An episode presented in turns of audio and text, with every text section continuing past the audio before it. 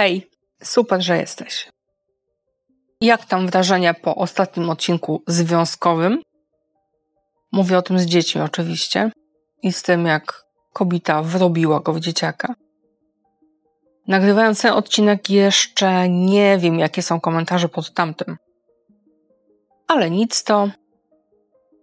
Niedługo go ogarnę, mówię o odcinku, wrzucę i się dowiem. W tej chwili natomiast chciałabym pogadać o czymś, co dla niektórych jest zdradą. Ja wiem, że ogólnie odcinek o zdradzie już był, bo wtedy chodziło też o to, czy można zdradzić, mając otwarty związek. I ten odcinek podlinkuję Ci poniżej, jeżeli go jeszcze nie słuchałaś. A dziś chcę pogadać właśnie o czymś, co tak jak powiedziałam, niektórzy uważają za zdradę. Na potrzeby opowieści powiem Ci pewną historię. Było sobie małżeństwo od lat powiedzmy 20 i po tym czasie mężczyzna zaczął dostawać tuziny SMS-ów. Małżonka zauważyła to w pewnym momencie czystym przypadkiem ale pomyślała sobie, nie no, gdzie mój facet, mój mąż zdradzać mnie?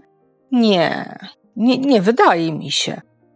Jesteśmy szczęśliwym, fajnym małżeństwem, mamy cudowną córkę, już prawie dorosłą, czy wkraczającą w dorosłe życie. Więc jest dobrze. Wiadomo, że nie jest tak jak na początku, ale po 20 latach to czego się spodziewać. Tymczasem Kolejnego dnia przypadkiem zauważyła, że poza tymi SMS-ami są jeszcze maile. Nie, nie otwarła ich i nie przeczytała, w związku z czym tym bardziej nie dawało jej to spokoju, że cóż to jest za kobieta, co do niego pisze tak nachalnie. I dlaczego on nagle wszędzie ze sobą ma telefon? Tego samego dnia w końcu nie wytrzymała, wzięła telefon męża do ręki, on jej go zabrał i ona mówi, że oj, oj, coś taki nerwowy, jeżeli chodzi o ten telefon. Z kim tak wypisujesz tam? No, z nikim. Jak z nikim? A kim jest? Nazwijmy ją Ala. A kim jest Ala? Co? Nie wygłupiaj się, nie ma żadnej Ali. Ona, dobra, dobra. Kim jest Ala? Wymyślasz, oskarżasz mnie. Nie ma żadnej Ali. Małżonka już wkurzona na maksa mówi mu wprost, że słuchaj, jestem twoją żoną od 20 lat, chyba tyle mam prawo wiedzieć.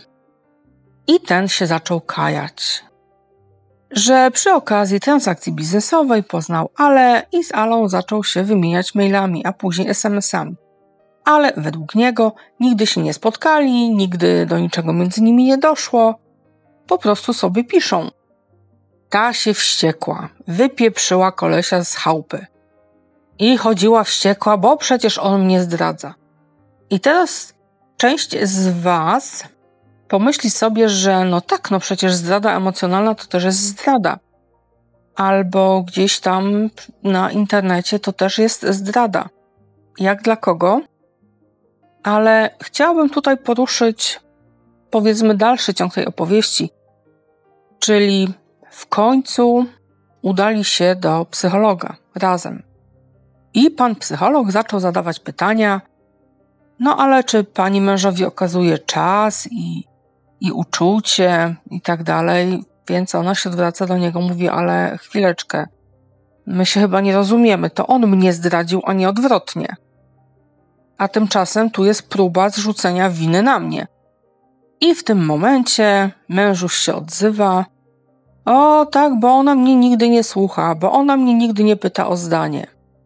Koniec końców, w tej historii para tam nadal jest na terapii, mają się świetnie, mąż wrócił do domu, czy też został wpuszczony do domu, a teksty lecą pod tytułem o, że któż by to pomyślał, że zdrada tam Kazia nam pomoże i będziemy cudownym małżeństwem. Wow. Wiesz, gdzie wracamy w tym momencie, nie? Otóż wracamy do kwestii rozmowy w związku. i zrozumienia w związku. Pomyśl sobie, że ten tu opowieściowy Kaziu powiedział, że żony nie interesuje jego zdanie, że żona mu nie poświęca uwagi. Dopiero w momencie, kiedy zapytał go o to psycholog. A wcześniej co, pobiłaby go, gdyby jej o tym powiedział? Bo. Wiesz, że dla mnie wiele rzeczy jest niezrozumiałych, ponieważ w moim związku ta rozmowa jest i ten, ten dialog jest na bieżąco. Zwłaszcza biorąc pod uwagę fakt mojej depresji, ponieważ ja nie chciałabym, żeby moja druga połowa kiedykolwiek czuła się niekochana, niechciana, odrzucana, albo że nie jest dla mnie warta tego, żeby żyć. To zupełnie nie o to chodzi. A miewam epizody dłuższe, gdzie właśnie żyć mi się odechciewa i nigdy nie chciałabym, żeby ta druga osoba sobie pomyślała, że nie jest dla mnie wystarczająca. Dlatego w moim domu, w moim związku, rozmowa jest na porządku dziennym, jest cały czas. Nie musi mi się podobać to, co on mi mówi, tak samo jak jemu nie musi się podobać to, co mówię ja. Ale ważne dla nas jest to, żeby drugie wiedziało, co myśli i czuje partner oraz żebyśmy się rozumieli. Czyli jak nie chcę być przytulana, chcę być zostawiona sama, to mówię o tym głośno. Mówię, kocham cię bardzo, ale mam zły dzień. I na przykład on w tym momencie chce mnie przytulić i ja stwierdzam, mm, nie, nie, nie. Ponieważ ja wiem, że wtedy się do czegoś takiego nie nadaje, a jednocześnie informuję go, że jestem w takim, a nie innym stanie. Czyli, że to nie jest jego wina, że to nie jest tak, że ja nie chcę jego, nie wiem, uczucia, dotyku, przytulenia, tylko że w tym akurat momencie nie nadaje się do tego ja psychicznie, żeby nie czuł się odrzucony ani odepchnięty. Są takie dni, kiedy już od wstania ja mówię, słuchaj, mam zły dzień, z góry cię przepraszam, jak będę dzisiaj niemiła. Jak będę wredna, jak coś, nie wiem, głos podniosę. Już cię przepraszam, to nie jest twoja wina. Ja dzisiaj mam taki dzień, jestem, czuję się sfrustrowana, poirytowana. Nie bierz tego do siebie. I oczywiście, mimo tego, to, że ktoś jest dla ciebie niemiły w ciągu dnia, wcale nie jest fajne.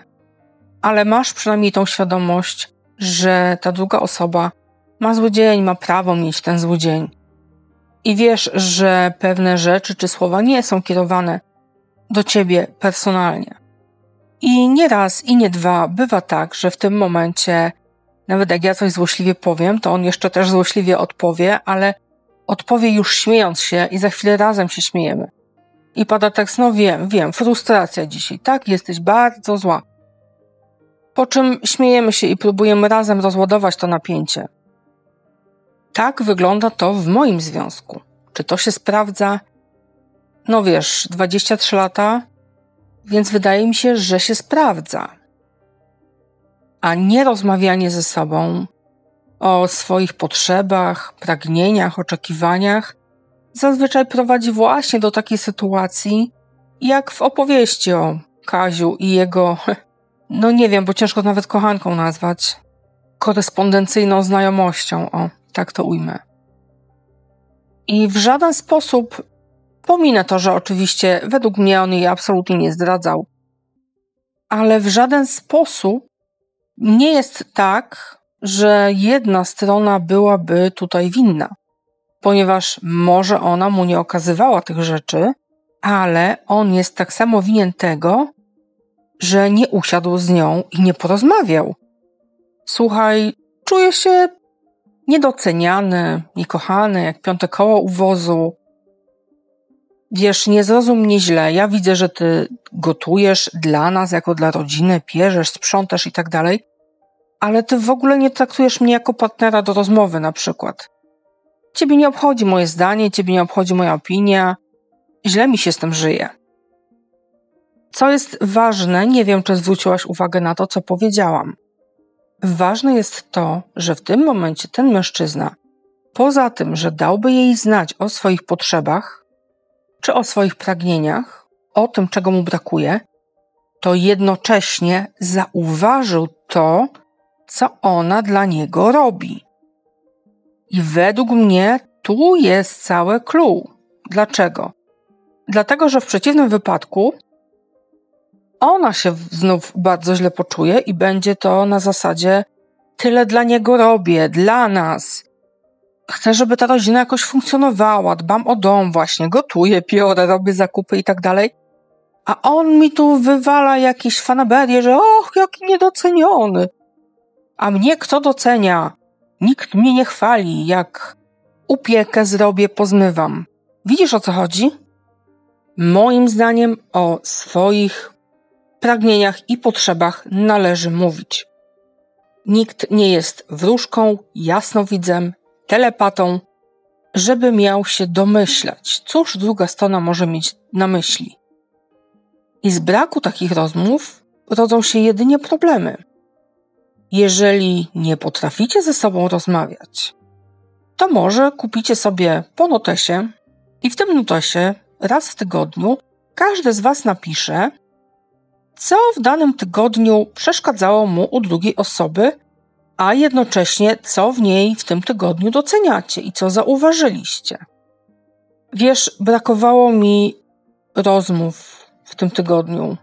Takich wieczorem, już jak leżymy w łóżku, idziemy spać.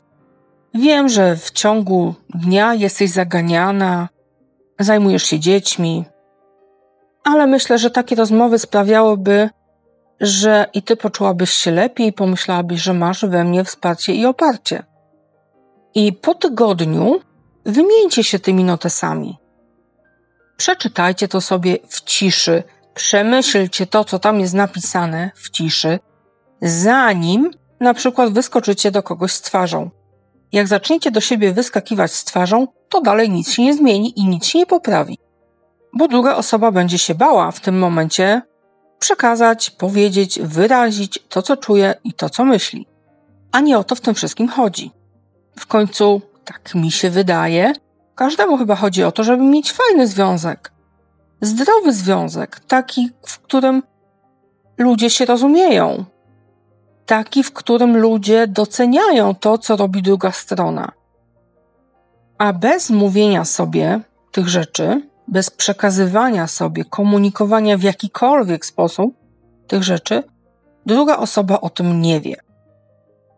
I ty się czujesz mały, biedny żuczek, niechciany, niekochany, niedoceniany i tak dalej, a druga osoba sobie myśli przykładowo, nie no, zuch baba, na schwał, ma jaja, ja jej w życiu nie jestem potrzebny. Sama wszystko ogarnia a ty sobie włosy z głowy wyrywasz i płaczesz gdzieś w kącie, w poduszkę, że wszystko jest na twojej głowie. Ale bo ja mu przecież mówiłam, że no może byś mi pomógł. Nie, kobieto, zaprzestań takich tekstów. Może byś mi pomógł. Konkrety. Facet potrzebuje konkretów. Czyli, kochanie, ja dzisiaj zabieram dzieciaki na podwórko, na spacer. Chciałabym, żebyś do tego czasu ogarnął obiad. I tutaj, w zależności od tego, jakiego masz faceta, albo będzie mu trzeba dokładnie wskazać, tak? Ziemniaczki, tam jest mięso, tam jest surówka. Myślę, że tak za półtorej godziny wrócimy.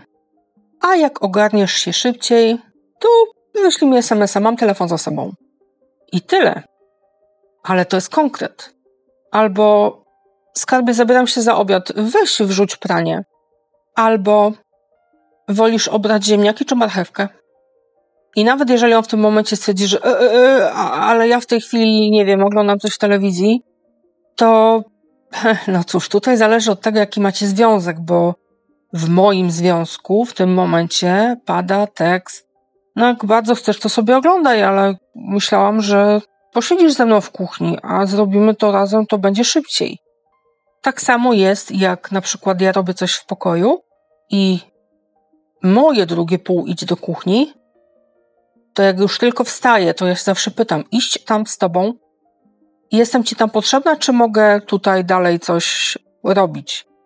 Obojętne, czy piszę, czy czytam, czy przygotowuję się do odcinka, bo może on akurat ma taki dzień dzisiaj, że potrzebuje mojej obecności koło siebie.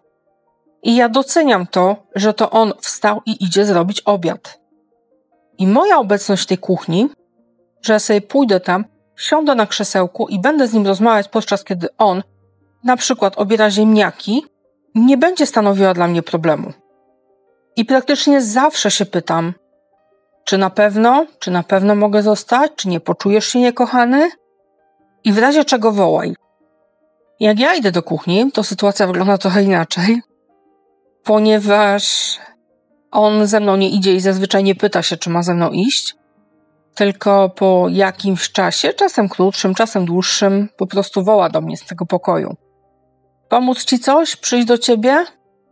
I ja wtedy, wiadomo, odpowiadam albo tak, albo nie, albo nie, nie trzeba, zaraz wracam, albo już kończę. Na przykład. Albo jak ja jestem w kuchni, on wychodzi do łazienki, to z tej łazienki zazwyczaj wędruje już prosto do mnie do kuchni i sprawdza, czy czymś mi nie pomóc, czy mnie w czymś nie wyręczyć, czy mnie plecy nie bolą, bo ja mam, no miałam, nie tyle mam, co miałam swego czasu ogromne kłopoty z kręgosłupem, takie, że praktycznie nie chodziłam przez trzy lata. I tak to wygląda. A tymczasem przesłuchaj tego odcinka jeszcze raz, dwa, pięć albo i dziesięć, jeżeli trzeba.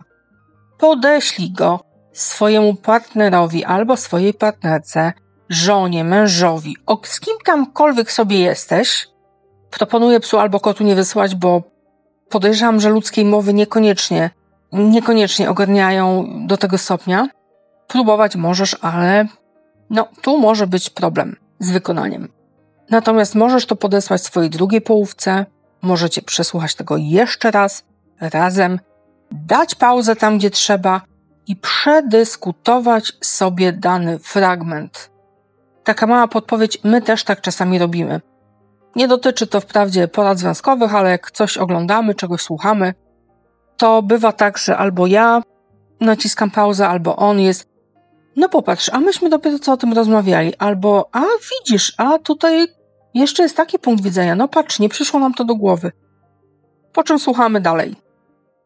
I po dokończeniu danego odcinka, tego co tam oglądaliśmy, możemy sobie dalej przedyskutować, rozwinąć temat, tak?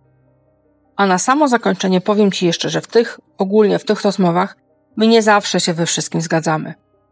My czasami w bardzo fundamentalnych kwestiach mamy kompletnie różne pojęcie i podejście. Ja nagrywam to dzisiaj w domu sama. W sensie on jest w pracy, a podejrzewam, że mógłby się nie zgadzać. Mógłby uznać właśnie, że no nie, no koleś tutaj tam zdrada emocjonalna i tak dalej, więc winien, nie winien wisieć, powinien, wiadomo.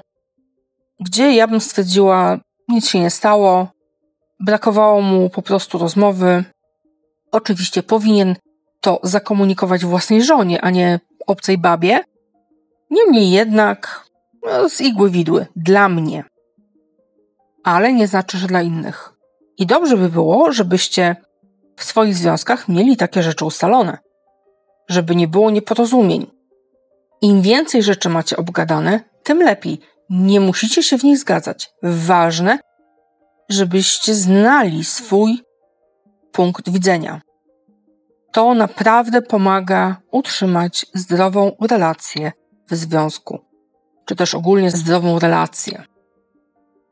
Na dzisiaj to jest wszystko i do usłyszenia niebawem. Buziaki, pa!